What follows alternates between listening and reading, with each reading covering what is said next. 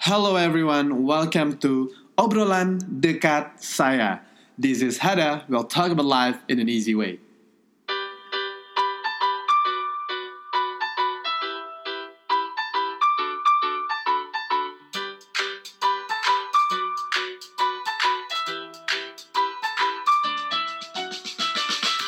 Untuk perkenalan, podcast ini bakal berkisah sekitar kehidupan sehari-hari aja.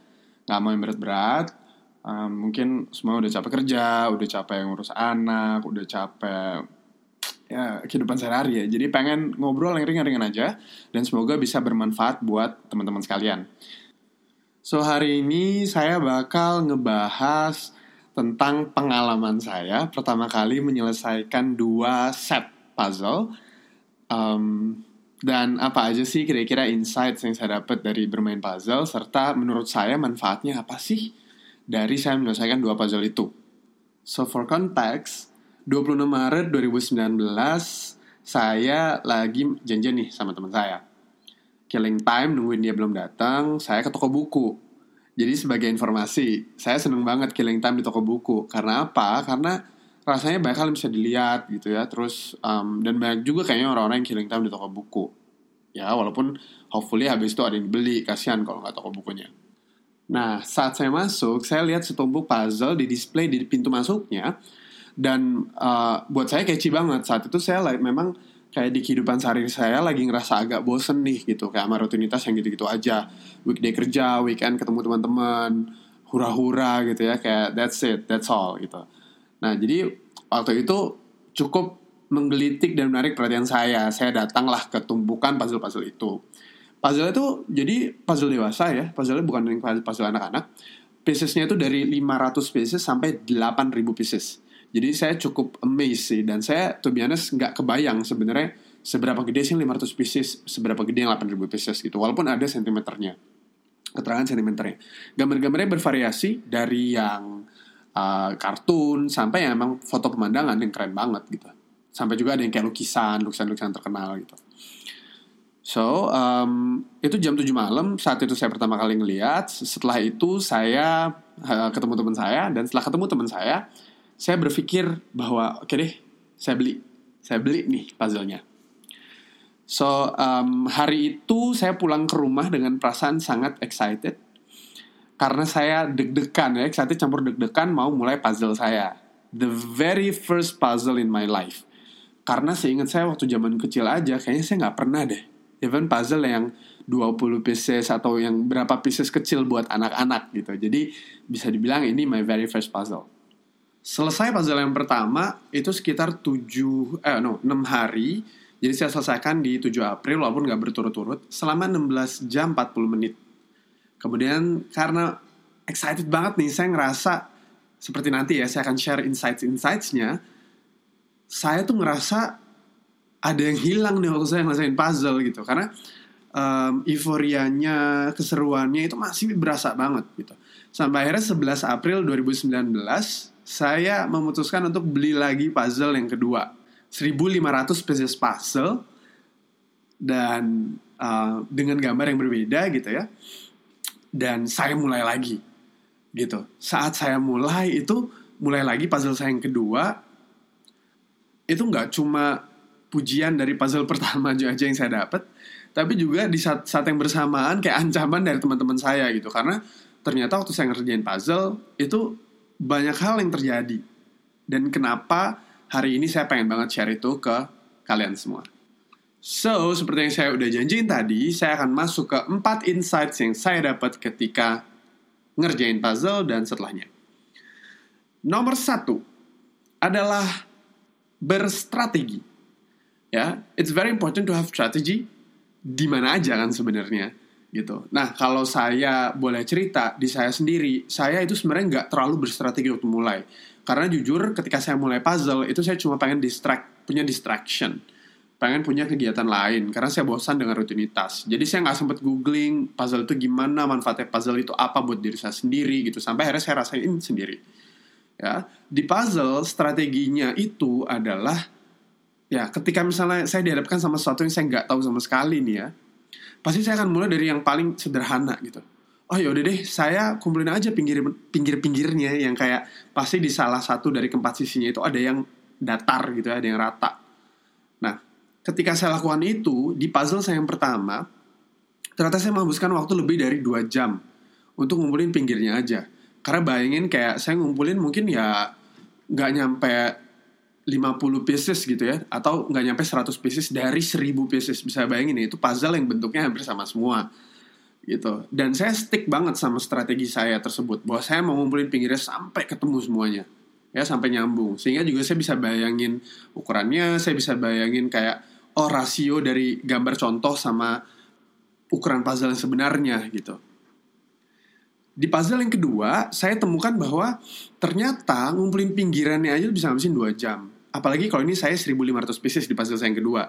Which means mungkin saya bisa ngabisin waktu 3 jam atau mungkin lebih gitu ya. Karena berdasarkan uh, ini research yang saya baca, ternyata kalau kita uh, mainin puzzle dengan jumlah yang dua kali lipat lebih banyak, kita akan membutuhkan waktu empat kali lipat lebih banyak. Jadi by theory, harusnya saya 1000 pieces itu 16 jam, 1500 pieces itu saya selesaikan dalam waktu 40 jam lebih. Gitu. Nah, uh, karena sudah apa ya? Mungkin itu bagian dari kayak merefleksikan strategi yang pertama dari puzzle yang pertama. Oh, di kepala saya, wah, saya bakal butuh waktu 40 jam nih buat nyelesain puzzle saya yang kedua. Tapi ya udah gitu kan ya, kerjain aja. Toh saya juga masih ngerasa seru banget. Nah, balik lagi ke strategi tadi, ketika saya terus ngumpulin pinggiran, tapi di puzzle saya yang kedua, itu kebetulan warna-warnanya juga cukup mencolok. Jadi saya tergoda nih, somehow saya tergoda untuk, um, ah saya nggak usah ngumpulin pinggiran terus deh. Ini kayaknya mulai banyak warna-warna yang mencolok, misalnya warna kuning, goldish gitu. Nah saya ngumpulin aja nih warna-warna kuning ini, gitu sambil jalan kalau ntar ketemu lagi yang pinggir, uh, barulah saya kayak um, kumpulin yang pinggir juga gitu Nah tapi buat saya nggak bisa punya lebih dari tiga warna atau tiga fokus di saat itu. Ya, let's say saya fokus sama warna biru, warna kuning, dan pinggiran. That's all. Karena kalau nggak, saya mungkin nggak fokus. Oke, okay? so uh, fokus dan strategi itu adalah uh, poin nomor satu yang ingin saya sampaikan. Insights nomor dua. Tadi saya udah sempat bilang nih ya, kayak di tengah jalan saya ngerasa, oh kayaknya saya nggak usah ngumpulin pinggiran mulu deh. Kayaknya saya boleh mulai uh, ngumpulin yang tengah-tengah apa namanya yang warnanya sama gitu. Um, perubahan strategi di tengah jalan, ya, perubahan fokus di tengah jalan atau penyesuaian diri terhadap kondisi yang ada itu yang saya kenal sebagai agility. Ya, kemampuan diri kita untuk menyesuaikan diri dengan keadaan untuk mencapai tujuan. Itu agility, itu definisinya bagi saya. Apakah saya mau terus-terusan ya stick sama plan saya di mana based on my uh, previous learning ternyata ngumpulin pinggir itu butuhin waktu 2 jam versus sekarang nggak ada salahnya nih saya coba strategi yang lain gitu realistik ngelihat misalnya oh ini banyak uh, apa namanya warna-warna yang sangat ide apa ya sangat khas yang saya bisa kumpulin gitu. Itu juga bisa jadi salah satu. Jadi agility itu definitely juga dibutuhin. Itu dibutuhin juga ketika misalnya kayak banyak hal lah ya. Kayak kan karena kita puzzle itu kan ngerjainnya di let's say di rumah gitu di tempat yang mungkin nggak sama orang-orang yang jauh dari teman-teman kita sekitar gitu. Tapi kan kita nggak mungkin ngelupain kayak kehidupan pribadi kita, kehidupan sosial. Kalau misalnya udah punya anak, udah punya istri gitu kan, ya nggak nggak mungkin ditinggalin. To conclude these pointers, agility is also important aspect gitu dalam menyelesaikan puzzle. Insights number tiga. Ah, kenapa kayak kebuli-bulian gini? Insights nomor tiga. Ya, um, ketika ngerjain terus-terusan itu menurut saya yang paling penting adalah resiliency ya kemampuan kita untuk bangkit lagi. Kenapa sih gitu? Gak sedikit nih orang-orang yang um, setelah saya main puzzle terus mereka juga ikutan main puzzle gitu ya um, yang cerita ke saya bahwa mereka sometimes hampir nyerah. Hampir nyerah nyelesain puzzlenya. Bisa bayangin kayak udah beli uh, empat ratus ribu gitu ya terus kayak let's say udah post di Insta Story, terus tiba-tiba nyerah, ya kan? Nah sebenarnya ada hal yang perlu uh, ya atau yang bisa kita lakukan gitu adalah kemampuan kita ini mengasah kemampuan kita untuk bangkit kembali menghadapi masalah. Nah kalau tips dari saya saat itu adalah saya istirahat dulu nih sebentar, ya. Terus saya bikin distraction buat diri saya. Even though main puzzle ada distraction buat saya, tapi ternyata nggak bisa nih kita dalam ngejalanin sesuatu tuh terus-terusan gitu, ngeforsir diri kita. Kita harus bikin distraction. Baik yang berlaku buat fisik kita, kayak stretching gitu ya, atau juga yang buat mental kita gitu yang ya mungkin uh, kembalilah uh, komen atau nyaut gitu di grup WhatsApp biar teman-teman gak sebel gitu. Kemudian mulai lagi, mulai lagi dengan dengan dengan perasaan, dengan fisik yang lebih baik, yang lebih fresh gitu. Nah, um, di part resiliency ini yang menurut saya uh, bisa berpengaruh terhadap seberapa cepat akhirnya nanti puzzle kita selesai. Insight yang terakhir nomor empat adalah kita harus keep our balance. Ya, ada tiga balance yang saya mau ceritain di sini. Yang pertama adalah physical balance. Ya, jadi uh, keseimbangan tubuh. Kebetulan saya karena nggak punya banyak space di rumah, saya jadi pilih kerjain di lantai ya jadi puzzle itu saya alasin pakai uh, karton tebel yang kalau misalnya saya mau up, apa ya mau pindahin atau saya lagi mau istirahat saya masukin ke bawah kasur supaya nggak keinjek gitu. Nah um, dengan posisi bermain puzzle yang tidak ideal gitu ya mungkin mungkin ada baiknya kalau main puzzle itu di atas meja gitu sehingga kita nggak perlu bungkuk. Dengan posisi yang tidak terlalu ideal tentunya dari punggung punggung ya dari punggung bawah sampai atas sampai ke leher itu menjadi bagian yang paling paling uh, rentan sekali gitu untuk pegel, untuk sakit. Dan saya tuh jujur di puzzle saya yang pertama sampai dua hari ke depan leher saya tuh masih sakit karena saya terlalu forsir. Jadi in case teman-teman sekalian nggak bisa punya tempat yang memang luas gitu karena puzzle mau nggak mau terus luas. Teman saya juga ada yang cerita nih, dia main puzzle terus uh, nyokapnya sorry nyokapnya main puzzle habis itu kayak nyokapnya main puzzle di meja makan dan selama nyokapnya main puzzle itu mereka sekeluarga makannya di lantai ya saya nggak nggak menyarankan demikian gitu tapi memang jujur kayak posisi itu menentukan uh, prestasi gitu ya kalau kayak kata anak-anak kuliahan karena eh, memang nggak baik juga saya sadar sih nggak baik juga kalau misalnya kita terlalu lama ada di satu posisi terus-terusan gitu even udah di meja makan aja kita harus inget buat stretching itu number one ya, physical uh, balance. Yang kedua, balance-nya adalah balance mental. Gitu. Ini lebih ke internal diri sendiri. Kenapa nih?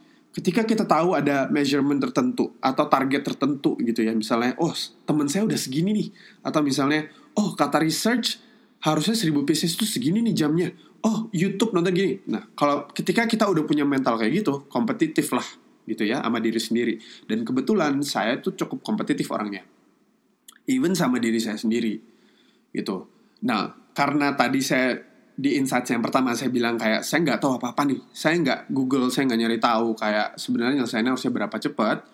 Saya ngerasa bahwa um, kompetitif saya tuh nggak terlalu di di apa ya di challenge di sini. Even saya juga nggak punya time limit gitu ya. Terus um, ketika misalnya sudah selesai dan di prosesnya saya post, nah memang saya sengaja untuk nge-save uh, progres saya itu di instastory saya gitu ya. Jadi boleh cek Instagram saya @mcsuhada di situ saya post dan ketika saya post waktu saya istirahat sejenak itu banyak sekali kayak respon-respon yang masuk.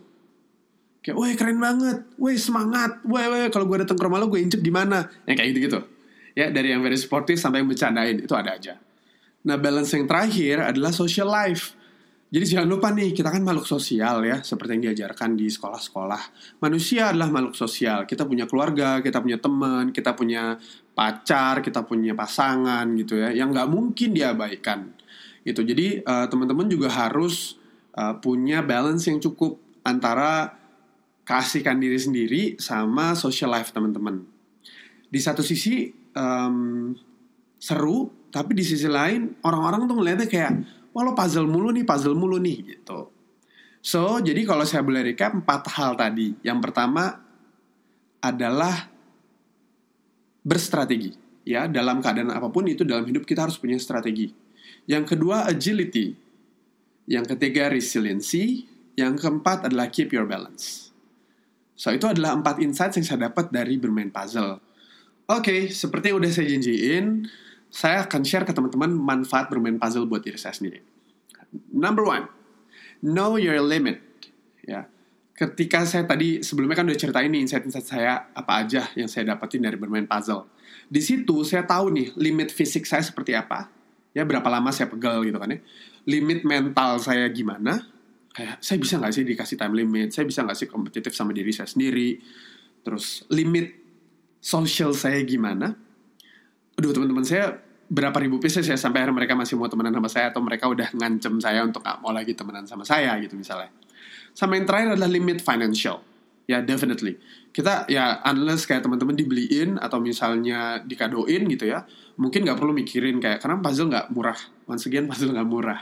Yang 1500 pieces itu saya beli um, sekitar 600 ribuan jadi dalam sebulan aja kalau misalnya kita mau terus-terusan let's say 3 puzzle ya bisa 2 juta sendiri gitu buat puzzle kan nggak lucu ya kita harus punya prioritas manfaat yang kedua adalah if you are very extrovert you could take a break from your social life with puzzle. Kenapa kayak gitu? Saya nggak ngerasa saya very extrovert sih, tapi sering dalam hari-hari saya saya ngerasa bahwa saya butuh orang lain gitu untuk bisa ngerasa nyaman. Walaupun ada nih, misalnya mungkin sekali sebulan lah atau dua kali dalam sebulan tuh saya pengen di rumah aja gitu ngabisin waktu sendirian di rumah. Dan ini sebenarnya comfort, comforting uh, introvert side gitu ya my introvert side di mana saya ngerasa bahwa um, akhirnya ada kegiatan introvert yang saya bisa nikmatin banget gitu walaupun masih ada terlibat kayak uh, aspek-aspek extrovert apa namanya aspek extrovertnya gitu di mana saya expect ada respons dari teman-teman saya lewat Instagram and so on manfaat yang ketiga adalah personal satisfaction ya jadi agak agak nyerempet sama yang tadi sih yang sebelumnya Kenapa nih?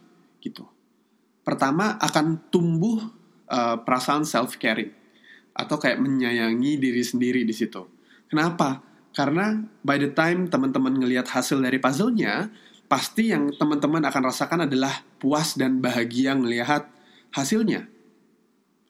Ya kan? Dan definitely waktu teman-teman saya main ke rumah, saya treat puzzle saya itu kayak baby saya sendiri.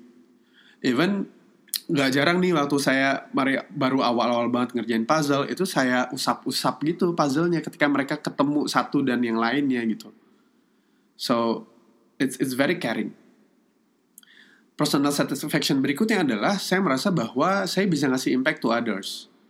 Gitu. Um, saya ngepost di Instagram story saya bukan karena saya mau pamer sama sekali enggak tapi karena menurut saya itu adalah tempat paling mudah dan uh, paling impactful untuk orang lain juga bisa lihat di Instagram Story. Nah jadi um, kenapa saya ngerasa ini sebuah satisfaction? Karena setidaknya lebih dari lima orang uh, teman saya di Instagram itu bilang bahwa oke okay, lo beli di mana, gue juga mau beli. Itu number one. Number two uh, yang saya rasain juga adalah banyak banget yang ngucapin selamat waktu puzzle saya selesai. Even saya ngerasanya kayak excitement ini lebih besar daripada waktu saya ulang tahun gitu karena ya maksudnya ulang tahun saya udah 29 kali ulang tahun kan kayak mungkin saya udah nggak nggak nggak terlalu ngerasa gimana gimana di selamat ulang tahun but this is something new gitu yang memang saya senang lihat hasilnya dan saya diberikan selamat jadi kayak two ways uh, appreciation dari banyak orang so this is it teman-teman kan udah dengar um, insight saya main puzzle gimana terus manfaatnya apa definitely kalau saya bisa bilang sekali dua kali main puzzle very recommended selama hidup teman-teman. Jadi feel free to try. So once again teman-teman, thank you so much for listening obrolan dekat saya. Saya Hada, kita ketemu lagi di episode berikutnya.